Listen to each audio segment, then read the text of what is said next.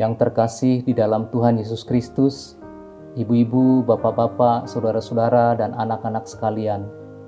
Hari ini adalah hari ke-100 doa bagi bangsa yang sudah kita kumandangkan melalui rekaman suara dan disiarkan ke berbagai pelosok negeri.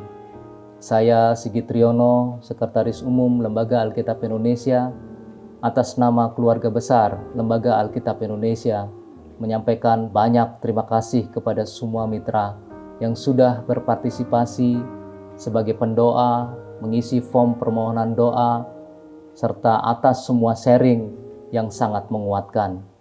Kiranya hati Tuhan maskul dan terharu atas semua doa-doa kita, sehingga dikabulkanlah permohonan kita semua. Mari kita lanjutkan doa-doa kita tanpa jemu-jemu seperti yang dinyatakan dalam Lukas 18 ayat 1. Yesus mengatakan suatu perumpamaan kepada mereka untuk menegaskan bahwa mereka harus selalu berdoa dengan tidak jemu-jemu.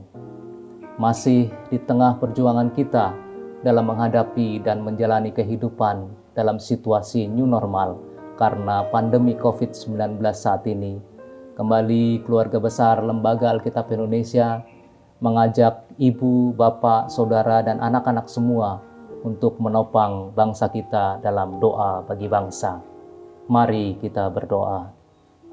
Bapa kami yang di surga, seratus hari kami kumandangkan doa kami kepadamu, sesuai apa yang Tuhan sabdakan kepada kami, agar kami tidak jemu-jemu berdoa.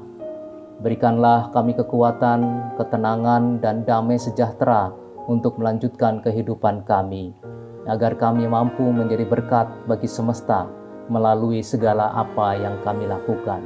Kami terus memohon agar Tuhan menolong bangsa kami dalam menghadapi pandemi COVID-19 ini. Mampukan bangsa kami tetap produktif dalam kewaspadaan dan disiplin mematuhi protokol kesehatan demi kehidupan bersama. Mampukan para pengambil keputusan di negeri ini dari tingkat pusat sampai daerah agar semua berhati jernih dan tulus untuk karya penyelamatan rakyat Indonesia dari pandemi COVID-19 yang sangat memukul segala sendi kehidupan. Kami berdoa terus untuk semua pihak yang berkait dengan fasilitas kesehatan masyarakat dari dokter, perawat, tenaga pendukung sampai para pengemudi mobil jenazah serta para tenaga kerja di pemakaman-pemakaman juga kami berdoa untuk para peneliti virus yang berusaha keras segera menemukan vaksin. Berilah mereka semua kekuatan dan pimpinan yang selalu dari Tuhan.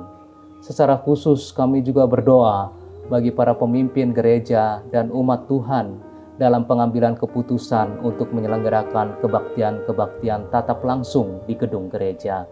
Berikanlah ya Tuhan agar mereka semua memiliki hikmat dan kebijaksanaan serta pertimbangan yang sungguh-sungguh matang demi keselamatan dan kesehatan bersama. Inilah doa kami ya Tuhan, di dalam belas kasihan anakmu Tuhan Yesus Kristus, kami berdoa. Amin.